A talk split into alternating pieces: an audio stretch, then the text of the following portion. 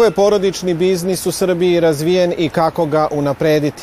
koje obuke je Centar za edukaciju Privredne komore Srbije pripremio za april i koja je tajna poslovnog uspeha Nemanje Pepića u Novom Sadu i Stepanovićevu, samo su deo priča koje vam danas donosimo. Poštovani gledalci, dobrodošli u još jedno izdanje Biznis Monitora.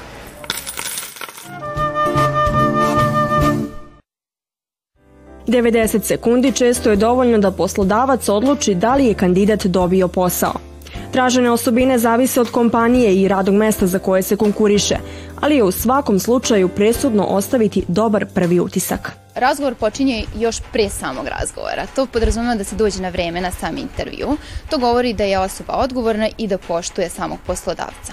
Pored toga bitan je i način oblačenja. E, može da se istraži kodeks oblačenja u određenoj kompaniji i u skladu sa tim da se prikladno obuče.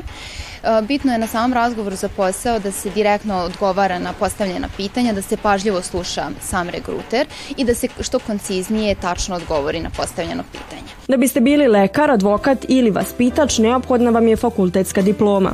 Za većinu drugih zanimanja sve više se vrednuju posebne iskustva i veštine. Danas poslodavci sve više i više fleksibilni u odnosu na nove zahteve tržišta rada, tako da nije jedino formalno obrazovanje potrebno, mnogo puta se prilagode i nekim znanjima praktičnog radnog iskustva, veština i nekakve prakse koju kandidati imaju, naročito mekih veština koje su timski rad i neke specijalne recimo specializovane kompjuterske vištine koje ovaj, nezaposleni posjeduje i naročito vrednuje se danas i motivacija za rad. A da bi zadržali takvog kandidata, poslodavci će pored osnovne zarade i dobrih uslova rada ponuditi i brojne druge pogodnosti.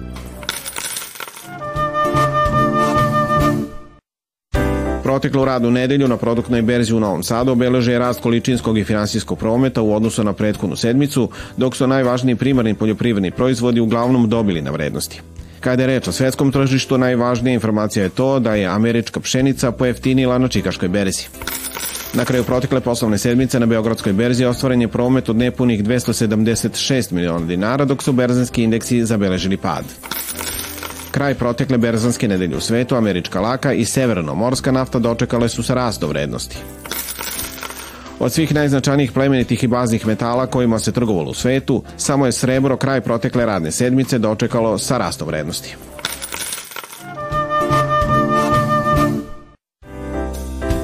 Osnovica za porez predstavlja i osnovicu za doprinose i to ne bi bio ništa problem. Ali šta se javlja u slučaju kada obveznik ima recimo iskazan gubitak u poslovanju za 22. godinu. Po propisima o porezima on neće platiti porez. Porez će biti nula. Ali doprinose, utvrđena je najniža osnovica za doprinose i on mora da plati doprinose na tu najnižu osnovicu.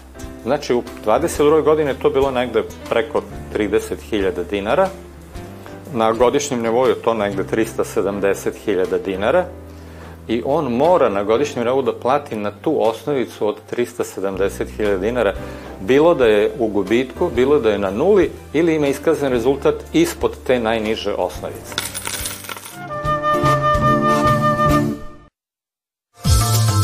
Mi, nažalost, još uvek nemamo adekvatan poslovni ambijent za razvoj porodičnog biznisa za razliku od zemalja u kojima takva tradicija postoji i više vekova. Istraživanja kažu da je čak 80 od evropskih kompanija u poslednjih 100 do 150 godina prvo počelo kao malo porodično preduzeće. Prema jednom istraživanju iz 2018. godine samo 38% dece, znači prve generacije vlasnika, se odlučuje da nastavi porodični biznis. U, u zemljama zapadne Evrope, na primjer u Nemačkoj je to 85%, Austriji 87%.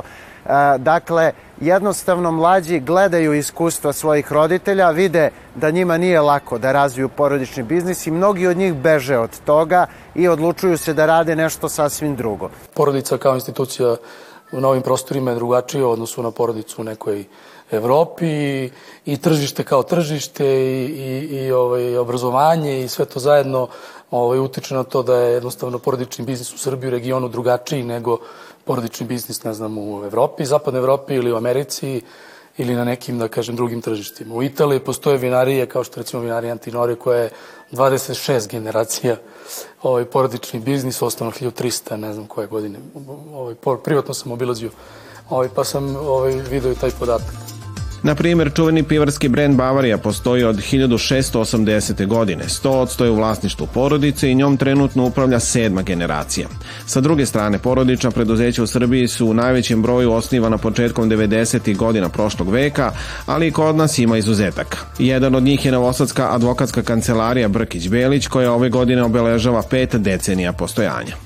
Misle, ti si sada tu došao i sve je, da kažemo, zdravo na gotovo. Ne, Znači, to je nešto s čime čovjek mora da se nosi, a i naravno mora da pobedi taj pritisak, jer naravno od njega se očekuje da ne bude taj koji će napraviti neki pogrešan potez. Isto tako, to je jako veliki izazov, ali ono što je, to je negativna, da kažem uslovno rečeno negativna strana.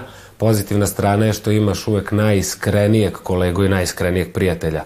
To je nešto naspram koga si ti u velikoj prednosti naspram ostale konkurencije. Nekome je porodica u biznisu prednost, a nekome mana. To posebno dolazi do izražaja u trećoj generaciji upravljanja gde se po ekonomskim zakonitostima gotovo uvek dogodi neki problem zbog kog firma zapadne u krizu ili se skroz ugasi. Kompanija Termovent je došla do te kritične tačke i odlučila da proda svih 100% vlasništva stranom kupcu. To se desilo pre dve godine. E, otac je tog momenta izašao iz firme, brat i ja smo ostali još jednu godinu dana u menadžmentu dok nismo sve postavili. Prošle godine smo zvanično, da kažem, napustili svoju firmu. Stvarno mi je bilo nekako jako čudno da, da sam došao u situaciju da sam se spakovao bukvalno ko na filmu, ono, tri kutije i izašao iz kancelarije koju smo, ono, pravili, da kažem, ceo svoj život. Jer ja i dok sam bio student i ranijih godina, otac je već imao ovaj, tu firmu i nekako je to bio deo porodice i onda je bilo, ovaj, taj moment je baš bio težak. Ja sam tek onda u stvari shvatio kako je bilo ocu koji je to isto radio godinu dana ovaj, ali je vjerojatno bilo još mnogo, mnogo teže. Kada se zapravo desi da onaj ko je druga možda ili treća generacija e, zapravo treba da dobar deo svojih odgovornosti delegira na ljude van porodice. I onda tu ima dosta nekih opasnosti, što često se ne odaberu adekvatni ljudi ili se ne nađu dovoljno kvalitetni kadrovi, jer trenutno u privredi Srbije je veliki problem nedostatak kadrova koji imaju određena znanja i veštine i onda se dešava da razvoj tih malih porodičnih firmi bude značajno usporen. Šta god da je delatnost firme, jedno je sigurno. Najveći problem je to što niko ne može da zna da li će se u porodici naći adekvatan naslednik za posao. A posebno je problem to kada neko na silu želi da svoje dete uvede u porodični biznis, a ono nije rođeno za taj poziv. Do određenog životnog doba nisam mogla da Pretpostavim, nisam, moram priznati, o tome ni razmišljala. Bili smo poprilično fokusirani na posao. Kad kažem bili smo, to je prvo osnivač ove kancelarije, pa onda i moja sestra koja je isto advokata, sada od skora u penziji, Tako da nisam. Kako su deca rastala, pustili smo ih da se opredeljuju za pozive. Nisam bila time opterećena da li će se to nastaviti. Naravno da mi je bilo drago kad sam čula želju da će jedno moje dete da nastavi. Zavisi od momenta u kom se tada ovaj, nalaziš i zavisi od mnogo drugih nekih parametara, ili školovanje dece opet ne znači da će oni vratiti da žive u Srbiju, ne znači da će biti zainteresovani za biznis kojim se ti baviš, možda, možda ćemo, ja imam troje dece inače, možda će on jedan da bude slikar, jedan lekar, jedan pravnik i onda o, jednostavno možda neće uopšte biti zainteresovani možda će hteti da grade nešto svoje, možda su preduzetnici u duši, možda, naš. I mislim da samo čovjek treba bude, treba bude otvoren. Ono što je jedna činjenica takođe je da je prodaja firma u Srbiji tabu tema. Ukoliko porodično preduzeće na poslovnoj prekretnici ne uvede profesionalni menadžment sa ljudima koji nisu deo porodice ili ne uključi tuđ kapital, imaće problema da održi poslovanje, pa i samo postojanje firme. Kad neko malo preduzeće krene da se razvija, kada novi ovaj, da kažemo, nova generacija uvede neke novine ili želi da investira, da proširi onaj posao koji su njihovi roditelji vodili, ali, na primjer, e, nemaju dovoljno informacija ili nemaju adekvatne, da kažemo, savetnike za razvoj biznisa i onda se, na primjer, desi da oni krenu s nečim ili investiraju u nešto gde izgube novac ili veoma sporo imaju povrat novca. To takođe zna da zakoči privatni biznis. Prednost porodičnog biznisa je to što se poslovni problemi mogu rešiti bez odlaganja, ali isto mogu biti opterećenja ako se emocije ne razdvoje od biznisa. Super je kad radiš sa svojim bratom ili s ocem, to su ljudi u koje najviše imaš poverenja, I, ovaj, ali s druge strane onda izgubiš taj po, po, porodični, taj privatni moment, jer ja brata viđam svaki dan, i ovaj, imam tu sreću da se sa njim fenomenalno slažem i mi smo dva sveta, ali smo se uvek nekako super dopunjavali i nikad se ovaj, nismo posvađali i nekako danas kad smo izašli iz, iz te naše firme, mislim da mi je najveća vrednost ovaj, toga što e, se, dok smo bili zajedno u firmi, uspeli smo da izbalansiramo da se nikada ne posvađamo privatno, ovaj, a sada znam da nikada više do kraja života neću moći s njim da se posvađam jer nemamo, da kažem, zajedničku, zajedničku temu. I jednom se desilo da smo zatvorili kancelariju, dok je bila još uh, i koleginica uh, koja je, ajde, i tetka, onda je, ovaj, smo došli do toga da nismo do 7 i 15 izašli iz kancelarije, realno mogli smo da završimo posao u 4, ali imali smo neke, da tako kažem, nerazjašnjene račune i uh, sukob mišljenja koja su morala da budu završena, predmet je bio veliki i to nismo hteli da ostavimo za sutra, jer ono što se kaže što možeš da rešiš ne ostavlje za sutra. U industrijski razvijenim zemljama, počeo od Japana i Sjedinjenih američkih država pa do Evropske unije, preko 70% firmi je u rukama porodica. U Nemačkoj je taj procenat najveći. Čak 95% od ukupno 3 miliona nemačkih preduzeća je deo porodičnog biznisa.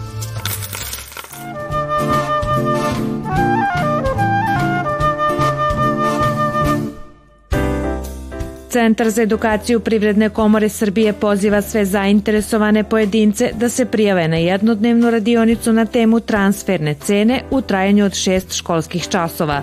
Predavanje će biti održano 12. aprila, a svi oni koji ne budu mogli da prisustvuju uživo moći će da je prate i putem interneta. Cilj jeste zapravo proći pojmove i pravila u vezi sa transfernim cenama, odnose između povezanih lica, sagledati komercijalne i finansijske transakcije koje oni mogu da realizuju i u okviru modula 2 ove radionice uraditi i izveštaje, kompletan i specijalistički izveštaj. To znači da je radionica interaktivna, praktična i namenjena je svima koji se bave poslovima u oblasti računovodstva, revizije, kao i onima koji žele da povećaju svoje znanje na temu transferne cene a 21. aprila Centar za edukaciju PKS-a organizovaće i jednodnevni webinar na temu menadžerske kompetencije, praktične smernice u ključnim procesima. Radionica u trajanju šest školskih časova namenjena je svima koji žele da unaprede svoje e, kapacitete u oblasti rukovodđenja. Kroz praktičan interaktivni rad fokus će biti stavljen na lični razvoj zaposlenih, na uspešno rukovodđenje e, u okviru kojeg ćemo proći i univerzalne principe, zatim na uspešno pregovaranje u okviru kojeg ćemo proći i deset posebnih pravila, kao i na produktivnu komunikaciju koja će biti provežbana kroz najbolje primere dobre prakse. Na sve obuke koje organizuje Centar za edukaciju zainteresovani učesnici mogu se prijaviti i dan pred njihov početak, a svi neophodni detalji o načinu prijave i učešća mogu se pronaći na internet stranici Privredne komore Srbije.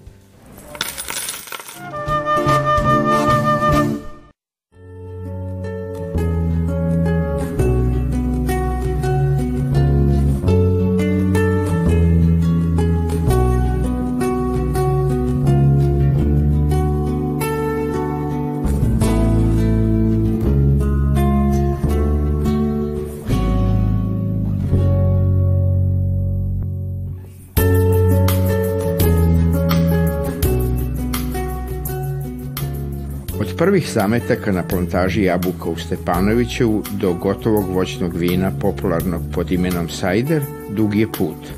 Znaju to Nemanja Pepić i njegov ortak u ovom poslu Goran Vrda.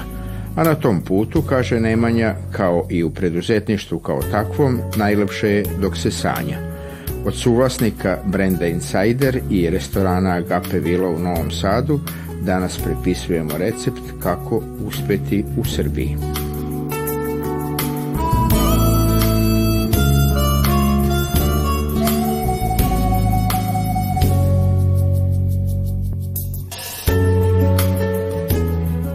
Stepanovićevu su voćnjaci na 7 hektara površine. Oni su i dalje mladi voćnjaci, znači nisu u punom rodu. E, njihov kapacitet je dosta velik. E, recimo da bi oni trebali da donesu preko 450 tona jabuka godišnje. Mi trenutno prerađujemo između 50 i 60 tona godišnje, od, da, od kojih napravimo recimo neki 20-30 hiljada boca sajdera, e, par hiljada boca rakije, premium rakije od jabuke koja se kasnije ću objasniti na koji način se pravi popularni naziv Calvados u svetu i imamo sok od jabuke, to je par hiljada pakovanja soka od 3 i 5 litara u bag boxu. E, sam proces proizvodnje e, se dešava na više mesta, od momenta berbe jabuke, pa kasnije ceđenja, pa na kraju ovde dolazimo do ovih fermentora i svega ostalog i punionice etiketiranja. Jako je široka paleta kupaca, upravo kao što sam rekao, od soka da piju najmlađi, preko sajdera, to je populacija ovaj, nisko alkoholnog e, pića od 4,5% alkohola, znači to je populacija već od 18 godina i na kraju do žestokih destilata koje je Calvados, koji piju i najstariji, znači od 7 do 77 kupaca ima po celoj našoj državi, nismo krenuli još uvijek da izvozimo, nismo se odlučili na taj korak jer želimo da koplje udarimo, što bi stari rekli, tamo odakle smo, pa negde sledeće godine planiramo i da se otisnemo ovaj, u, u, u neke dalje zemlje. Ovaj, trenutno sa četiri vrste jabuka pravimo sve zavisnosti u, u kom odnosu, to je gala, o, i to je zlatni delišes, crveni delišes i greni, zavisno se od kiseline, šećera, jabuka, aromatike, u kako koji proizvodi idu različite ovaj, selekcije jabuka. U konsultaciji sa partnerom Goranom, s kojim je cela ova ideja, on je živeo malo u inostranstvu, zna šta je sajder, tako da zajedničkim snagama smo o, uspeli da ovo napravimo i praktično te kupce i tražimo zajedno naša strategija se zasniva isključivo i samo na kvalitetu i do tog kupca u stvari širenje pozitivne ukusa i, i pravih vrednosti idemo u samom momentu proizvodnje. To nam je bila neka ideja od samog starta koju zagovaramo obojica i ne damo jedan drugom da skrenemo s puta. Prvo predstavljanje je uvek u našem lokalu, imamo ugostiteljski objekat da je odakle to kreće, tako da o, sami ljubitelji mogu tu da probaju ovaj, sve naše proizvode, pa te kasnije ako se odluče da kupuju. Sve ovo naravno nije od juče. Kada i kako je uopšte sve počelo i kako se to stiže od samog početka, od ideje, pa do ovakvog brenda na dobrom glasu. Sam Insider je otvoren e, u istom momentu kada je Gape Vilo gostelski objekat, to je bio 2020. godine, januar mesec, ta praktično mesec i po dana pre korone. Tako da smo krenuli u najteže moguće vreme, ali Bože moj, upornost za preduzetnika kažu da ne može propasti, može odustati. Mi nismo odustali, idemo napred, e, snašli smo se, našli smo tržište u, u našim bližim, o kolegama u gostinima koji su nas prepoznali, koji nas poznaju, koji su nam verovali da radimo prave stvari i polako se glas širio i naravno opstao. Sama ideja je potekla o, e, davno, pre jednu deceniju za voćnjake, a od samih voćnjaka da ne bi bili zavisni od nakupaca takozvanih, mi smo odlučili da o, sami prerađujemo svoje i da svake godine u stvari imamo tu količinu neke jabuke druge, treće klase koja ne ide u direktnu prodaju u, u markete, da nju preradimo, to je jabuka 100, 10%, kvalitetna, zdrava, samo izgledom ne zadovoljava evropske standarde prodaje, ali apsolutno svim ostalim zadovoljava sve ono što nama treba, nju prerađujemo i ne želimo nju da dajemo kao industrijsku jabuku, želimo od nje da napravimo kvalitetne i prave stvari. Kakav to čovek, gledajući iz vašeg iskustva, treba da bude pravi preduzetnik? Šta ga krasi? Ideja, e, marljivost, upornost, e, treba li mu sreće, nešto peto, sve to zajedno? Kako je bilo u vašem slučaju? Pa mora da ima u sebi malo i lucidnosti, mora da ima hrabrosti u sebi, mora da, da prihvatate neke ne prevelike, ali male rizike, mora da bude pre svega jako uporan. Upornost je možda najbitnija, najbitnija stvar u svemu, jer teško je očekivati da će nešto od samog starta da, da, da, da krene kako treba, A u svakom slučaju, ako krene, neće uvek biti ovaj, med i mleko, mora se očekivati moment kada će se pokleknuti i to su momenti kad, kad čovek mora upornošću da izdrži. Mislim da preduzetništvo je prelepa stvar, jer sami kontrolišemo svoje vreme, e, apsolutno smo zaslužni mi 120% za nešto što radimo i jako je široko, znači bavimo se dinamično je, nije jednoličan posao, a s druge strane to opet može predstavljati veliki teret kad sam sebi moraš da odlučiš ujutru da kreneš na posao, a znaš da ne moraš. Tako da u preduzetništvu onako sve je na jednoj klackalici i da moraš biti stabilan, a sigurno čovek ne može biti uvek stabilan, ne može uvek biti u jednoj trasi, tako da upornost je možda najbitnija stvar u preduzetništvu. Ko šta radi u ovom ortačkom biznisu? Ko je za šta zaslužan, a za šta odgovoran? I kako to u stvari uspeva ortakluk u zemlji Srbiji? Partnerstvo zemlji Srbije uspeva hladne glave. Znači, znamo šta, u šta ulazimo, znamo šta očekujemo. Mi smo poslove podelili spram i naših ostalih obaveza i pre samih afiniteta i nekih predznanja. Tako da Goran je ovde u proizvodnji, on brine o kompletnom tehnološkom procesu proizvodnje, ja sam neko ko je u startu u jabukama u voćnjacima, neko ko je odrastao na njivi i u nekom delu ovaj, prodaje zato što sam radio u jednoj kompaniji 7 godina vrlo, vrlo usko povezanoj sa samim pićima, u stvari prodaje pića. Tako da ja sam u tom nekom momentu, a ostali marketing i ostale delove zajedno dogovaramo, pravce i ciljeve kompanije. A sam biznis kao takav smo zajedno razvili od početne do završne tačke praktično samo smo te neke tehničke stvari razdelili da bi bili efikasniji. Kako je uopšte biti preduzetnik u Srbiji? Šta vam je u tome lepo, što ste sam svoj gazda, a šta vam najviše smeta? Definitivno u Srbiji je ovaj, taj balkanski naš mentalitet najviše voli da sam komanduje svojim vremenom. Mi malo imamo problem sa autoritetom, tako da ovde smo sami svoje gazda, što bi se reklo. I, i lepota toga jeste da ti sam kontrolišeš svoje vreme, sam kontrolišeš uh, koliko možeš, naravno, rast svoje firme, koliko želiš da radiš, koliko da usporiš, a najteže su možda neki momenti i okolnosti ovaj, same naše pozicije ovih zadnjih godina, neki geopolitički stvari koje mnogo, mnogo utiču ovaj, na prodaju, jer nama prodaja je usmerena prvo kroz ugostiteljstvo, znamo šta se desilo sa koronom ugostiteljstvom, i nama je bio problem da mi uopšte E, dođemo do ljudi i objasnimo šta je sajder. To je piće koje nije na našem tržištu bilo prepoznato, jer su ga mnogi mešali sa vinom, neki sa pivom, a uopšte nije tako. To je posebna kategorija pića i u svetu, pogotovo zapadna Evropa, Amerika, Kanada, vrlo dobro znaju i kod njih je prodaja u jako visokom nivou, dok kod nas još uvek to treba ljudima u stvari da dođemo do samih konzumenata.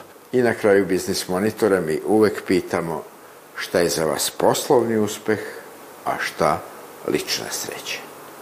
Poslovni uspeh za mene, ona ideja koju smo nas dvojica maštali, razvijali, da smo nas dvojica zadovoljni za stolom, kad se pogledamo u oči, kad pružimo ruku, da smo nas dvojica mi, koji smo bili na samom početku, kad bi se na kraju razišli, sve što bi zaradili ne bi značilo ništa.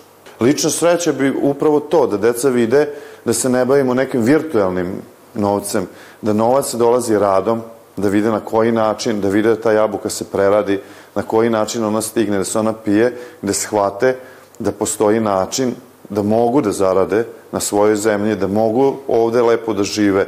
Znači, negde ta lična sreća ide opet kroz familiju, kroz neki najuži krug prijatelja, da, da, da ostanemo svi tu zajedno desmo. Ne bi nikad bio srećan, siguran sam ni Goran, da, da mi odletimo u neke vasione, da li to naučano, da li kako god u glavi i da se raziđemo sa nekim ljudima koji su oko nas. Tako da mislim da to sve, sve obuhvatno, nisu bitne pare, bitno je neke snovi, da ostvarimo neke svoje male snove, pa da opet imamo neke male i tako u krug. Toliko za ovaj put. Sa novim pričama iz sveta male privrede vidimo se u ponedeljak 24. aprila. Hvala vam na pažnji i doviđenja.